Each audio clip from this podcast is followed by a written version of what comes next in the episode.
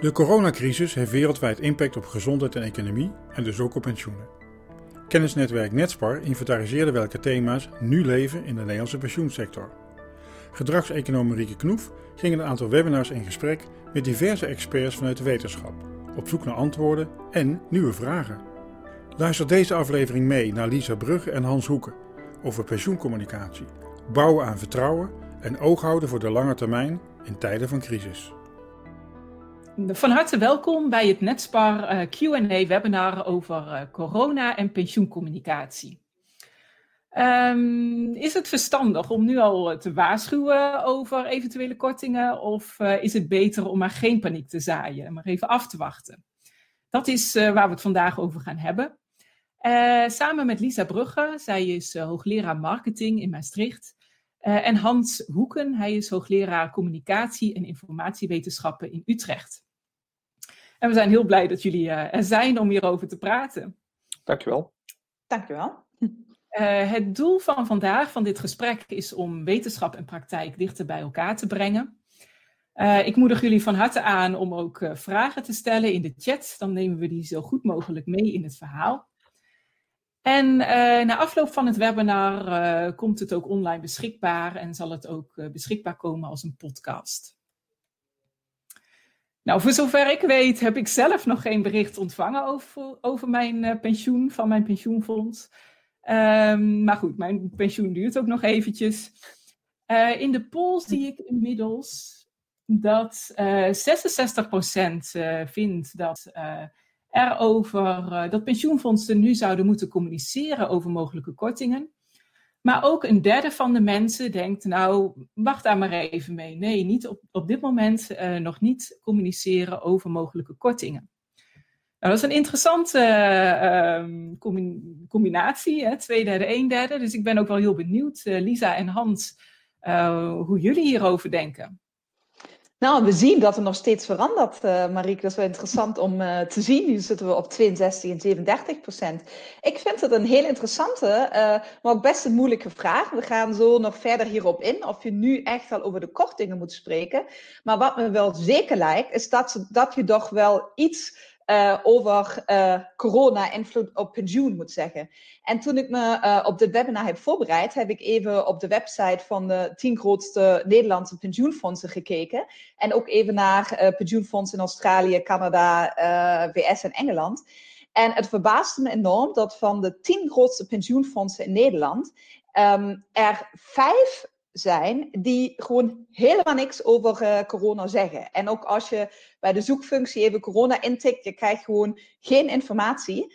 Uh, er zijn er drie die um, wel iets aan informatie geven, uh, maar het woord korting vind je daar in ieder geval niet terug. Um, er zijn er twee die een statement hebben dat het nu nog moeilijk is om, um, om te zeggen wat de impact precies zal zijn. en ja, daar een beetje op, uh, op ingaan. En dat vond ik eigenlijk al een heel interessante observatie.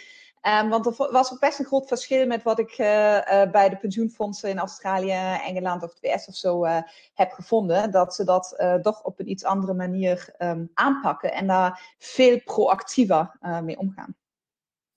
Het maakt mij wel nieuwsgierig wat die fondsen in het buitenland dan daarover zeggen.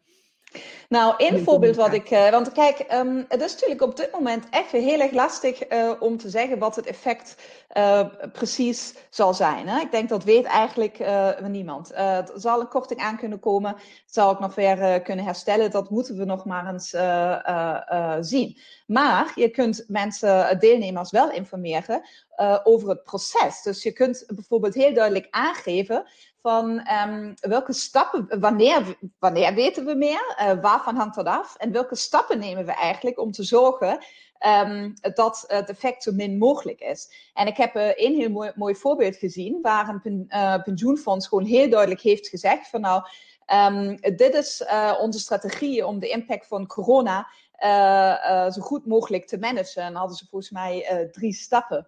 Um, je had ook van Nest in Engeland uh, een voorbeeld, die, um, moet ik wel even naar mijn uh, scherm kijken, uh, die best veel op de emotie inspelen en mensen een soort van, um, ja, reassurance, vertrouwen geven in een manier van aanpak. Hè. We'd like to reassure you that protecting and growing our member savings is our highest priority, and we're confident that our approach is suitable for these unusual times. En dus eigenlijk daar heel erg op, uh, op inspelen. Um, dat, dat zijn maar enkele voorbeelden, maar je, ik heb in ieder geval bij uh, de uh, tien voorbeelden uit het buitenland waar ik even gezocht heb, op iedere pagina gevonden. En zoals ik zei, in Nederland maar bij vijf. Ja, dankjewel. Ik zie ook op in de chat verschijnen, er zijn wel fondsen. Ik zie het pensioenfonds PGB, die ook gekozen heeft voor een proactieve aanpak.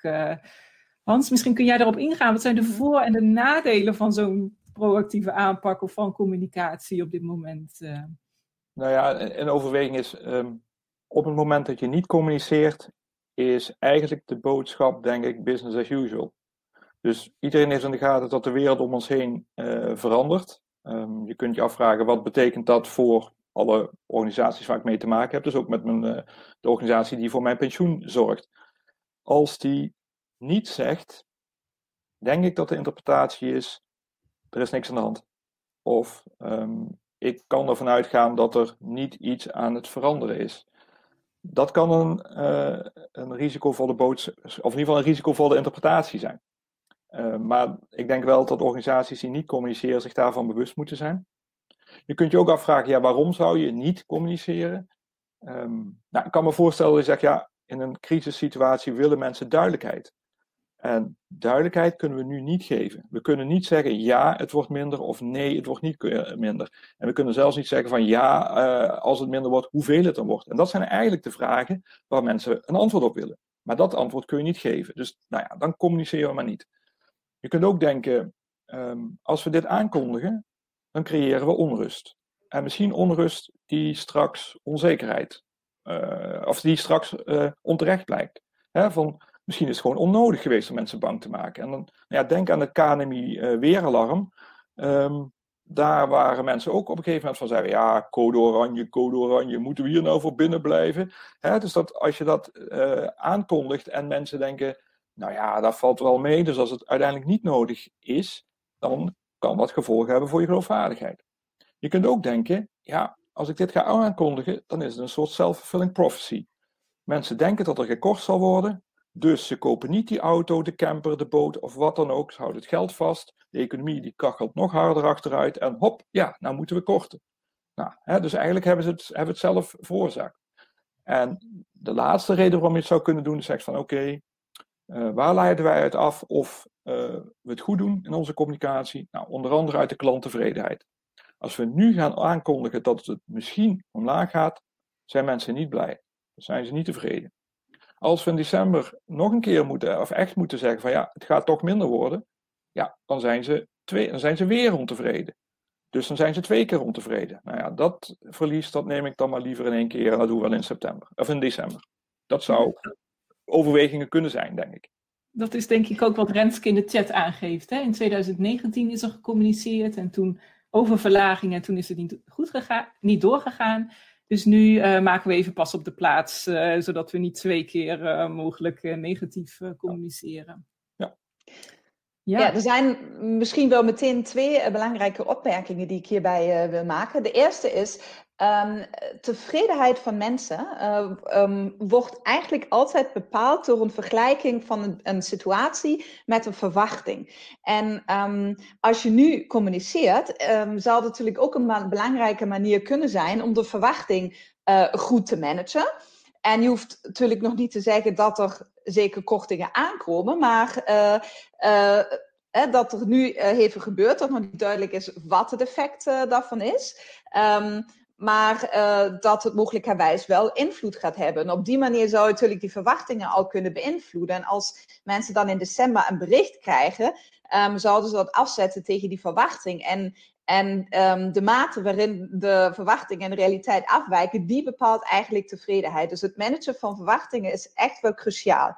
Um, het tweede is dat, want afgelopen jaar werd natuurlijk ook al heel uitgebreid over kortingen gesproken. En ik denk dat er een fundamenteel verschil is tussen de situatie afgelopen jaar en de situatie uh, dit jaar. Want mensen um, zoeken eigenlijk altijd naar een verklaring waarom een situatie zo is zoals ze is. En uh, dit jaar is er duidelijk een externe reden die dit veroorzaakt. En ik denk dat, ja, die reden kan, is niemand ontgaan. Dat, dat, dat kan eigenlijk wel niet. Ik denk dat dat gewoon voor eigenlijk vrijwel iedereen duidelijk is.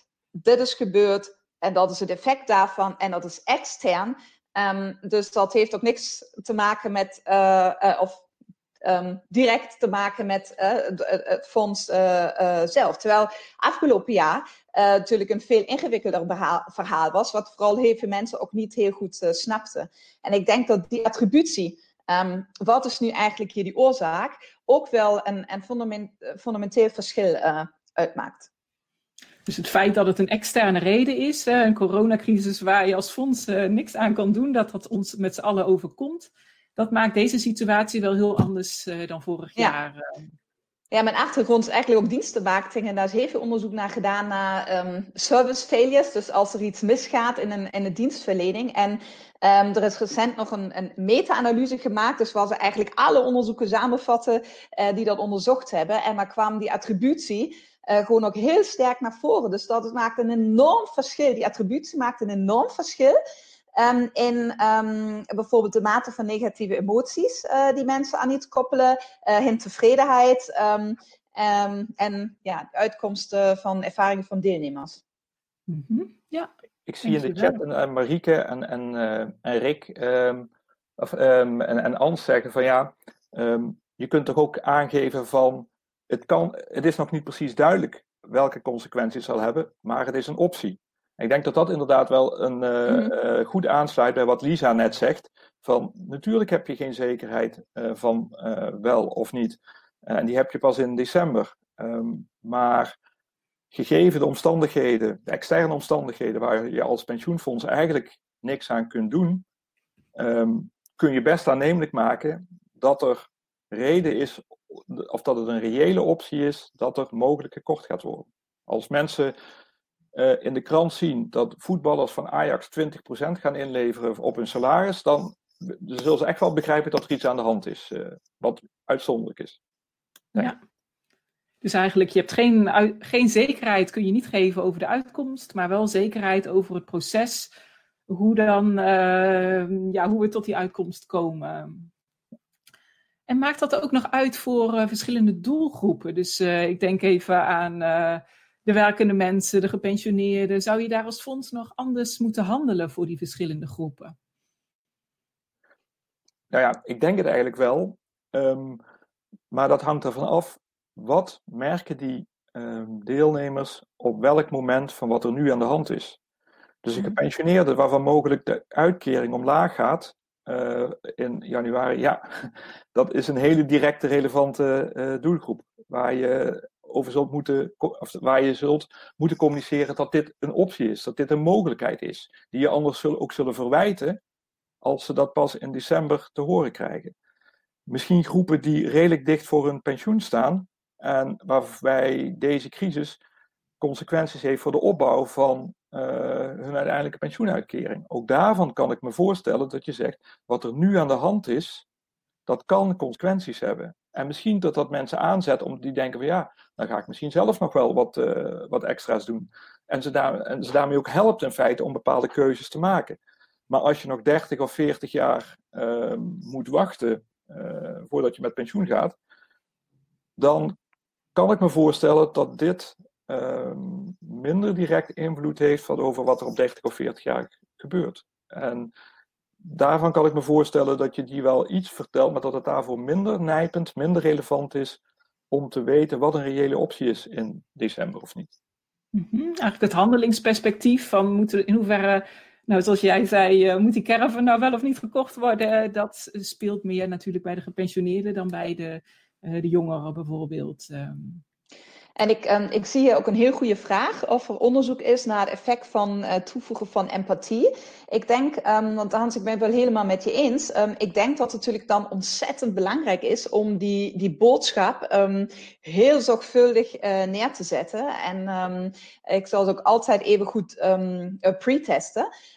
Want er is wel onderzoek naar dat bijvoorbeeld toevoegen van um, empathie um, echt wel kan helpen. Maar um, je moet wel uh, heel um, zorgvuldig mee omgaan. Want je kunt ook door uh, bijvoorbeeld onbewust heel veel negatieve emoties weer wekken. Dus het hangt echt een beetje vanaf um, wat je daaronder begrijpt of hoe je dat vertaalt naar de, naar de tekst uh, zelf. En ik denk dat dat echt wel ook belangrijk is. Dat, ik zag ook iemand ergens feitelijk communiceren. Dus ik denk ook dat op zich feitelijk communiceren natuurlijk wel heel belangrijk is. Um, dat, uh, maar dat, dat houdt dan ook in, vertel mensen wanneer je wat weet, waarvan dat afhangt en, um, en hoe je het proces bijvoorbeeld uh, managt. Um, maar je maakt natuurlijk altijd keuzes in hoe je een boodschap neerzet. Hè? En, en, en dat is denk ik wel heel belangrijk. En daar zou ik ook echt even goed naar kijken dat er geen onbewuste um, of ongewenste emoties meer, meer gewekt worden. Ja, als ik daarop mag aansluiten. Um, het, is een hele dunne uh, lijn, of het is een soort evenwichtsbalk waar je op zit uh, mm -hmm. uh, te balanceren. Aan, aan, de ene kant wil je laten zien dat je oog hebt waar jouw deelnemers mee zitten, wat voor hun belangrijk is. Um, hè, dus dat je gevoel hebt voor de problemen die zij tegenkomen of de situatie waarin zij zitten. En aan de andere kant, als je daar te ver in doorslaat, wordt het paternalistisch van wij weten wel wat u voelt. En daar kunnen mensen ook heel allergisch mm -hmm. uh, op reageren. Dus uh, het is een, een, een, evenwichtskunst. En het lastige daarbij is, is dat um, um, het deels aan de boodschap ligt, maar ook het deels aan de ontvanger. Dus sommige mensen zijn daar veel sneller gevoelig voor. Die hebben het idee van, ja, hey, hoeft niet zo te betuttelen. Ik weet zelf wel wat mm -hmm. ik voel. Uh, en andere mensen vinden het juist heel prettig dat een organisatie laat merken oog te hebben voor waar zij mee zitten. Dus het is wel een, een lastig um, dingetje. Ja, dus we hebben het over hè, de feitelijke communicatie, empathie. Dat is eigenlijk ook voor hoe interpreteren die uh, deelnemers mm -hmm. nou die uh, communicatie. En is dat ook anders in crisistijd dan in normale tijden? Dus uh, hoe mensen die informatie tot zich nemen. Hè, ik kan me voorstellen als je nou, je zorgen maakt over je gezondheid, dat je denkt, nou ja, die korting is heel vervelend, maar ach, ik ben gezond, dat je het wat zou, zou kunnen relativeren, mogelijkerwijs. Um, waar dat in andere tijden misschien veel minder is. Uh, of geldt dat helemaal niet? Ik denk dat het een interessante hypothese is. Dat zou best zo kunnen. Ik, ben, ik weet niet van onderzoek wat dat precies zo heeft aangetoond. Maar um, je ziet het op zich uh, bij reacties op andere dingen ook. Ik kan me wel wel voorstellen dat er een groot verschil is um, tussen leeftijden. Um, want de ouderen die het bewijzen van meteen in hun portemonnee voelen.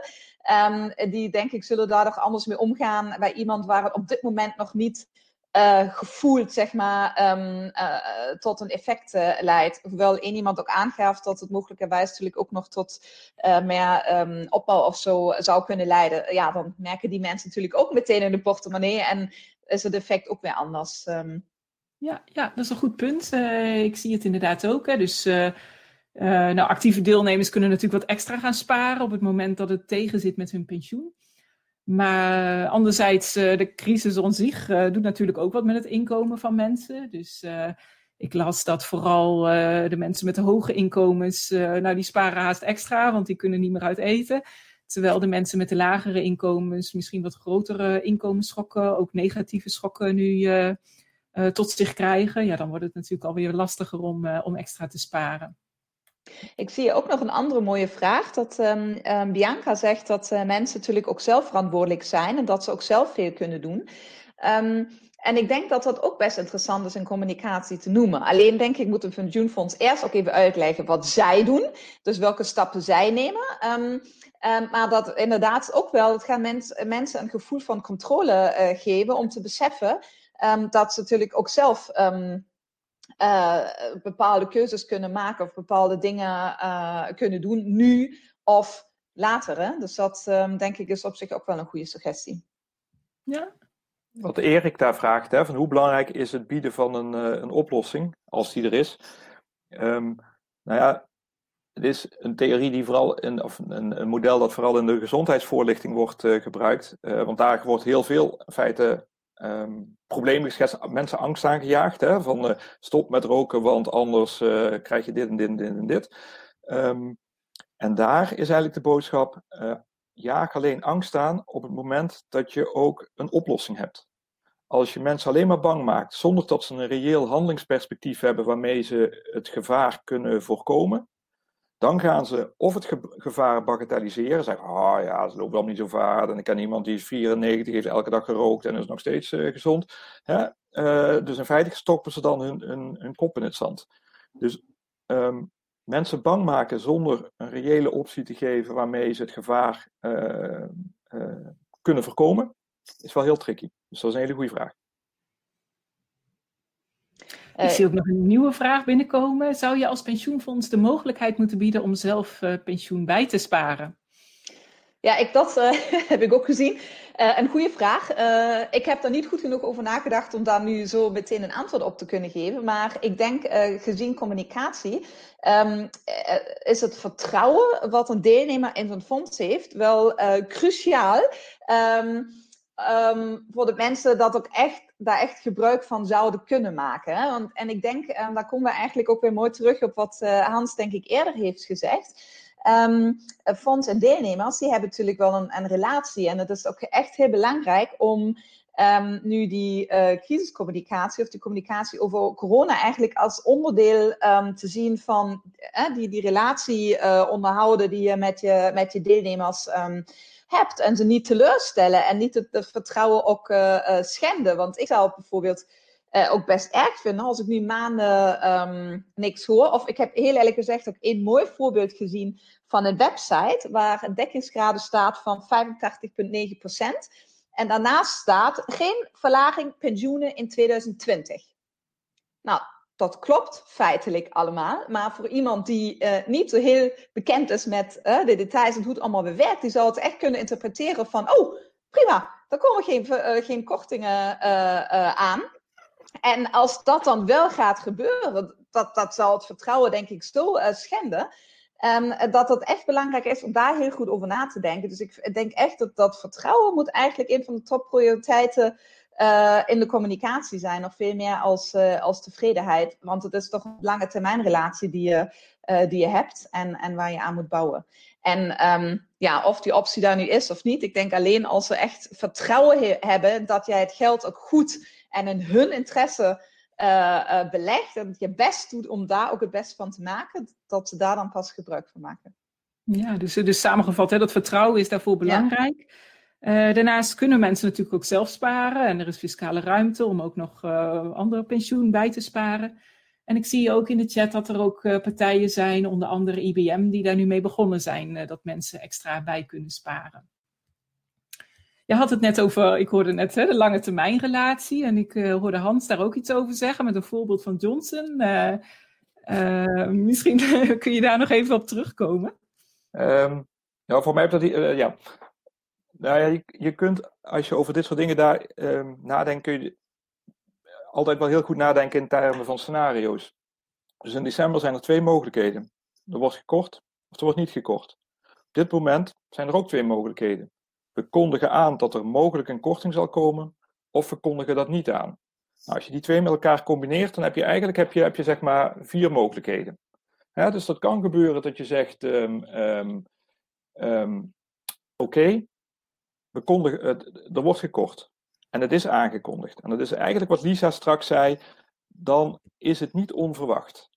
dan zijn mensen nog steeds niet blij, maar ze weten wel van ja, dit, is, uh, dit was een optie, dus dit was uh, het is niet helemaal onaangekondigd.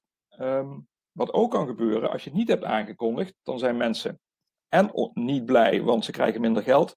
Maar ik denk ook dat ze ontevreden zijn over hun, um, pensioenorganisatie. Om te denken, ja, dat had ik wel graag eerder geweten. Want dan had ik nog, had ik dit niet gekocht, of als ik dat, uh, had ik die actie ondernomen. Dus dan zijn ze niet alleen ontevreden over een lagere uitkering, maar zijn ze ook ontevreden over de communicatie erover. Nou, stel nou dat er niet gekort wordt. Um, en je hebt het wel aangekondigd. Dan kunnen ze ook ontevreden zijn. Aan de ene kant zal de mix zijn van opluchting van, uh, nou ja, oh, gelukkig, er is nog niet gekort. Hè? Dus dat is een beetje de hogere tevredenheid van, uh, als je het bekijkt vanuit het model dat, uh, dat Lisa noemde. Um, en ze kunnen ook wel zeggen van, ja, nou hebben jullie ons voor niks bang gemaakt. En die boot die ik in mij had willen kopen, die is nou duurder. Dus, ho, rot zeg. Um, Oké, dat kan een, een klacht zijn. Aan de andere kant, als je denkt het is nu reëel, dan zou ik toch communiceren. De laatste optie is eigenlijk, je zegt niks en er hoeft niet gekocht te worden. En eigenlijk kun je dan denken van, nou ja, ideaal toch? en vanuit korte termijn is dat wel zo. Maar omdat we over Boris Johnson begonnen. Ehm, kijk, ehm, Boris Johnson uh, werd gemeld door de Britse overheid. Boris Johnson heeft corona, maar milde vorm. Hij blijft aan het werk. Oké. Boris Johnson, ja, hij moet toch naar het ziekenhuis, maar dat is eigenlijk meer een simpele voorzorgsmaatregel. Er is niks aan de hand. Oké. Boris Johnson gaat naar de intensive care, maar u hoeft zich geen zorgen te maken over Boris Johnson, want het komt echt allemaal goed. Oké. Nou, Boris is hersteld, hè? Dus je zou kunnen zeggen, we hebben aangekondigd, er gaat niks engs gebeuren. En er is ook inderdaad niks engs gebeurd. Maar Boris is hersteld en gaat zijn nieuwgeboren kind vernoemen naar de artsen die zijn, kind, of die, die zijn leven hebben gered. Dus blijkbaar was het toch wel een beetje heel erg akelig met Boris Johnson op een gegeven moment. En je kunt zeggen, op de korte termijn heeft dit een positief effect gehad, want we hebben niet onnodige onrust uh, veroorzaakt. Want kijk, hij is toch uh, in leven en kan weer verder. Op de lange termijn, elke volgende politiek, Brits politiek leider, en die, al is het maar met een ingegroeide teennagel het ziekenhuis ingaat, wat woordvoerders daar ook over zullen zeggen, mensen zullen toch wantrouwen. En dat heeft te maken met dat wat je nu doet niet alleen gevolgen heeft voor het vertrouwen van de mensen in jou nu, maar ook in de lange termijn. En je gaat voor de lange termijn als je een pensioenrelatie met uh, een deelnemer aangaat. Daar zitten wel risico's aan, ook als het op korte termijn goed lijkt te gaan. Ja. Dus eigenlijk door die lange termijn relatie die je met de deelnemers hebt, is het ook belangrijk om dat uh, ja, mee te nemen in je beslissingen daarover. Ja. Eh. Wat, wat gebeurt er op het moment dat we nu niet communiceren en dat achteraf naar buiten komt van nou, dat was echt op het randje. Hè? Dat, dat is een feit wat, wat, uh, wat de parallel zou zijn. Dan, ik begrijp het. Ja. ja. ik zie ook een vraag. Die pensioenfondsbestuurders, die zitten natuurlijk uh, uh, nou, best in een moeilijke positie. Namelijk, hè, moeten er aandelen bijgekocht worden, zodat we weer uit dat dal kunnen kruipen.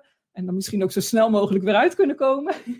of moeten we toch nou, wat voorzichtig zijn en um, nou, zorgen dat het niet eventueel nog slechter wordt. En dus toch wat voorzichtiger ook in aandelen gaan. En uh, Ali eh, stelt daar een vraag over. Die zegt: Is het niet verstandig in deze tijd om um, ja, deelnemers te vragen naar de bereidheid die ze hebben om risico's te nemen? -hmm. Ja, ik denk dat dat op zich um, interessant zou kunnen zijn. Want dan zou je eigenlijk de preferenties van je deelnemers mee kunnen nemen in je beleggingsbeleid. Um, ik denk dat het dan wel echt belangrijk is om uh, een uh, heel goed meetinstrument uh, te gebruiken. Want het meten van risico's wordt wel heel vaak gedaan. Maar er zijn ook al verschillende NetSpa-papers verschenen die de voordelen, maar ook de nadelen van heel van die methodes bespreken. Want het is toch niet zo um, eenvoudig om daar tot een heel goede inschatting te komen. Of sterker nog, die vertaling dan van um, wat gezegd hebben naar wat betekent dat dan precies voor het beleggingsbeleid. Um, en natuurlijk ook echt een representatieve uh, steekproef.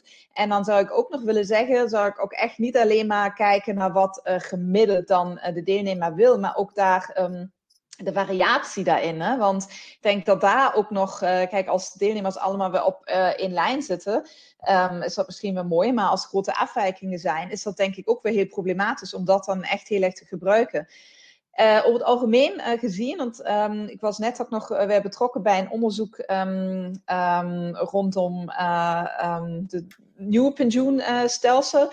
en we zien toch dat het voor heel veel mensen gewoon vrij abstract is en heel moeilijk is om, om in te schatten. Dus ik denk dat dat, ja, vaak is dat dan echt, het is heel moeilijk om daar in onderzoek echt gewoon ook dan goed achter te komen.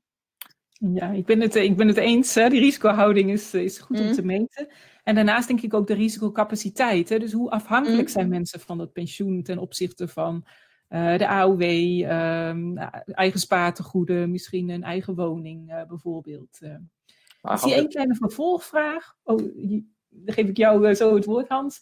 Ehm, is het handig juist om zo'n onderzoek nu te doen in deze tijd? Dit is natuurlijk wel een tijd dat mensen ja, zelf ook veel afwegingen maken over risico's. Eh, elke dag denk je, ga ik naar de supermarkt? Hoe laat ga ik dat doen? Zodanig dat ik het minste risico loop. dus uh, risico is wel iets wat denk ik uh, nu leeft in de hoofden van de mensen. Maar is het niet vreselijk? Nou, één ding is wat Lisa zegt, volgens mij uh, zijn wij mensen ontzettend slecht in risico-inschattingen en in waarschijnlijkheidsinschattingen. Dus snappen mensen wat je vraagt? Snappen mensen wat de consequenties zijn van het antwoord dat ze mhm. geven? En als ze dat weten, kan ik me heel goed voorstellen dat de jongere uh, deelnemers die nog 30 jaar te gaan hebben, denken van ja, koop maar, nu alles leeg staat. Ook al duurt dat nog 15 jaar, 15 jaar tot ze zo laag blijven, uiteindelijk gaat het op, gaat het omhoog dus die lopen daar veel minder risico's mee dan uh, de ouderen die of nu een pensioen genieten, of uh, degene die um, binnenkort met pensioen gaan. Um, moeten we dan een gemiddelde gaan nemen van wat die twee groepen doen? Moeten we het helemaal gaan individualiseren en vragen aan elke deelnemer hoeveel risico wilt u lopen? En dit is vervolgens de bandbreedte waartussen uw pensioen kan gaan variëren, zodat ze een beetje een idee hebben van waar ze voor kiezen. Dus ik vind het een interessante gedachte. Maar als ik nadenk over de uitwerking en de implicaties, um, zou, zou ik nerveus worden. Ja.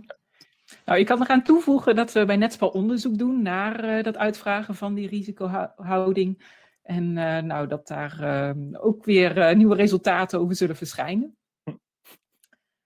Uh, ja, de vraag is ook van Peter. Uh, als je vraagt aan de deelnemers, uh, kunnen ze dan niet ook de indruk krijgen dat ze op dit moment invloed hebben? Nou, ik denk, mensen houden van controle, is al eerder gezegd. Ja, de, ik vond die vraag wel interessant. Peter, misschien zou je daar nog een, iets aan toe kunnen voegen. Want door de manier waarop je die vraag stelt, lijkt het voor jou een probleem te zijn.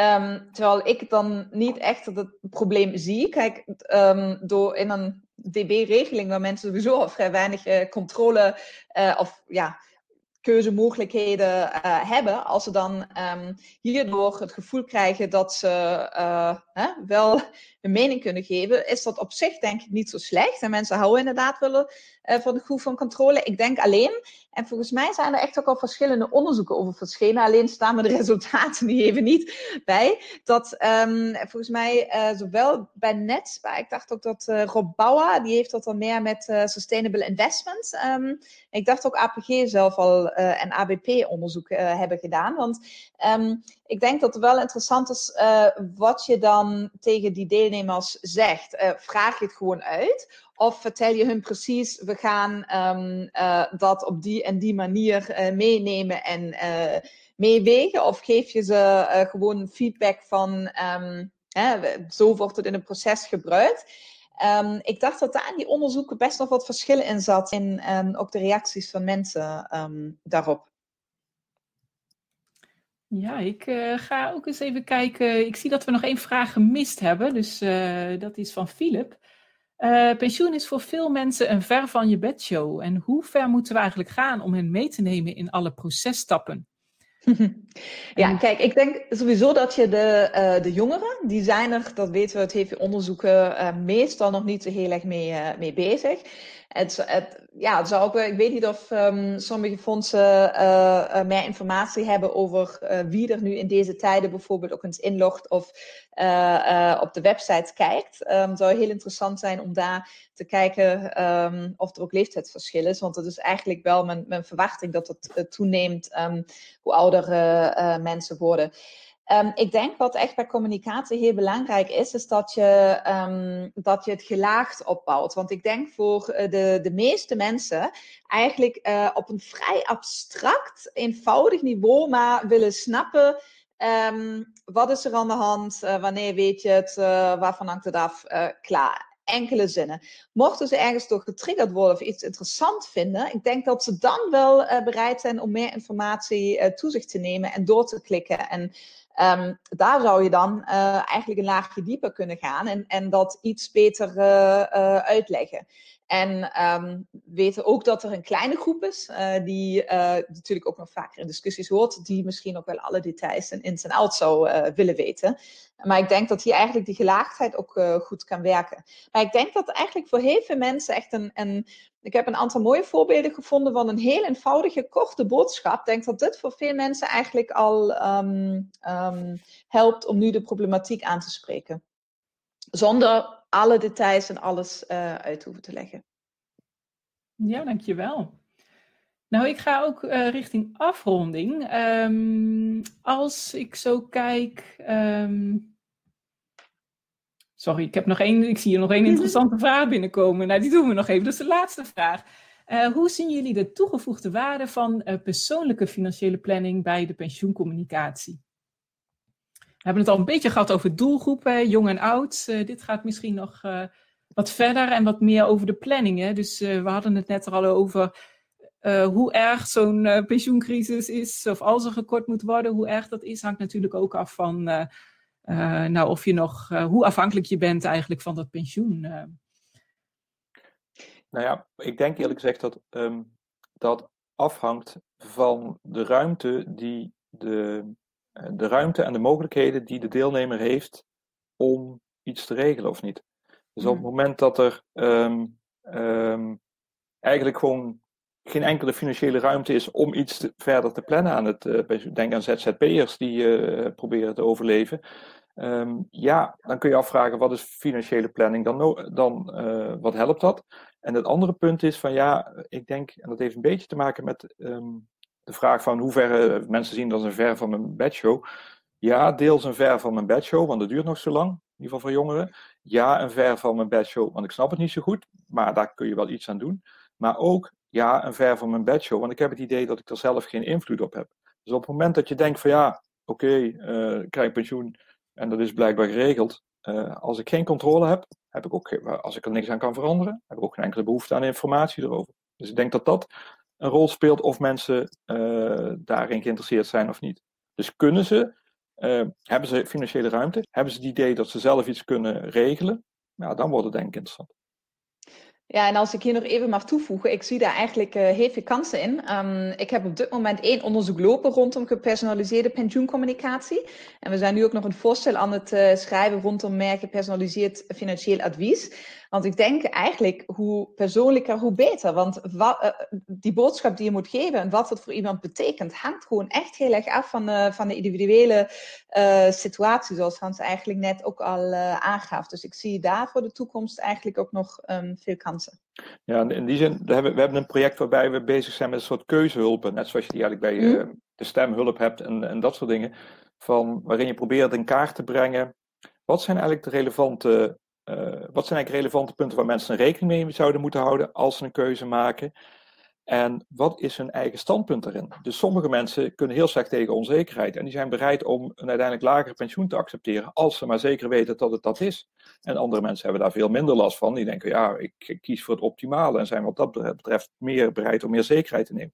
Dat soort um, individuele verschillen, die moet je proberen volgens mij helder te maken om mensen te helpen een voor hun optimale keuze te maken. Waarbij optimaal niet betekent, of niet alleen betekent, financieel optimaal.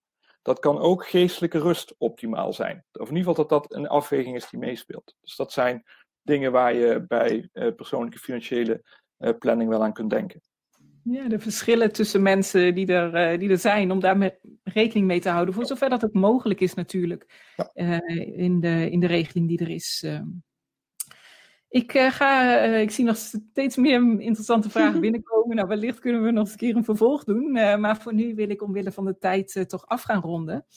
En ik probeer even samen te vatten wat ik in ieder geval opgestoken heb in dit nou, drie, afgelopen drie kwartier. ik heb geleerd dat er nou, in ieder geval goede redenen zijn om wel te communiceren. Ook redenen om niet te communiceren, maar ook goede redenen om wel te communiceren.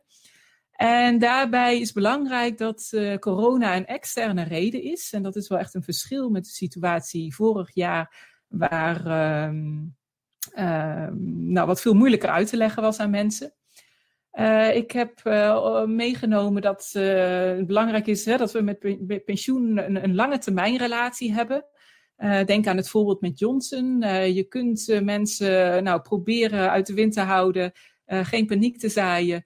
Ehm, maar je kunt daar last, later wel last van krijgen als dan blijkt hoe kritiek het was. dat mensen dat dan in de toekomst jou toch minder betrouwbaar vinden. Um, en tot slot dat als je dan die boodschap wil meegeven, dat dat dan is, nou dat korte een optie is die eraan komt. Dus hè, we kunnen geen duidelijkheid geven over de uitkomst, uh, maar wel duidelijkheid geven over het proces eigenlijk. En, en, dat het een optie is waar mensen rekening mee moeten houden als ze dan toch die caravan willen kopen. Ehm, misschien Lisa en Hans, hebben jullie nog een, een laatste boodschap die jullie graag mee willen geven? Um, ja, toch eigenlijk wel een pleidooi voor uh, communicatie. Ik denk dat het in deze tijden echt wel belangrijk is dat fondsen afwijken van de puur verplichte communicatie en, en, en toch iets over de situatie hier uh, zeggen. Ik denk dat het uh, enorme kansen biedt om uh, aan het vertrouwen te bouwen en de relatie te bouwen en um, ook de verwachtingen goed te managen. En um, waarbij het natuurlijk heel belangrijk is hoe de boodschap precies geformuleerd wordt. En um, daar heeft onderzoek natuurlijk ook altijd om, om daar dan wat meer inzicht te krijgen in, in hoe het overkomt. Dankjewel. Um, nou, ik denk dat mijn uh, boodschap zou zijn: um, je, je gaat een relatie aan met, uh, met je deelnemer. Die deelnemer uh, die verwacht van jou dat je betrouwbaar bent, deskundig bent en dat je oog hebt voor de belangen van die deelnemer. Um, dat geldt voor nu, maar dat geldt zeker ook voor op de lange termijn. Als je communiceert, als je handelt, hou ook die lange termijn in je achterhoofd. Dat is, uiteindelijk kan je dat meer winst opleveren uh, dan nu voor uh, een snel succes gaan. Helder boodschap. Uh, nou, ik wil ook alle deelnemers bedanken voor de deelname. we hebben nu drie webinars gehad over corona en pensioen. Eentje over de pensioenpremies, eentje over beleggingen en deze over communicatie. En die komen allemaal beschikbaar op YouTube en ook via podcast, zodat je ze al wandelend buiten kan beluisteren. En uh, nou, uh, dus je kunt alles weer terugluisteren of aan collega's doorgeven. En um, ik wens u veel uh, goeds en veel gezondheid in de komende tijd. Hartelijk dank voor het luisteren naar deze Netspar podcast over corona en pensioen. Kijk voor meer pensioenonderzoek en aankomende webinars en podcasts op netspar.nl.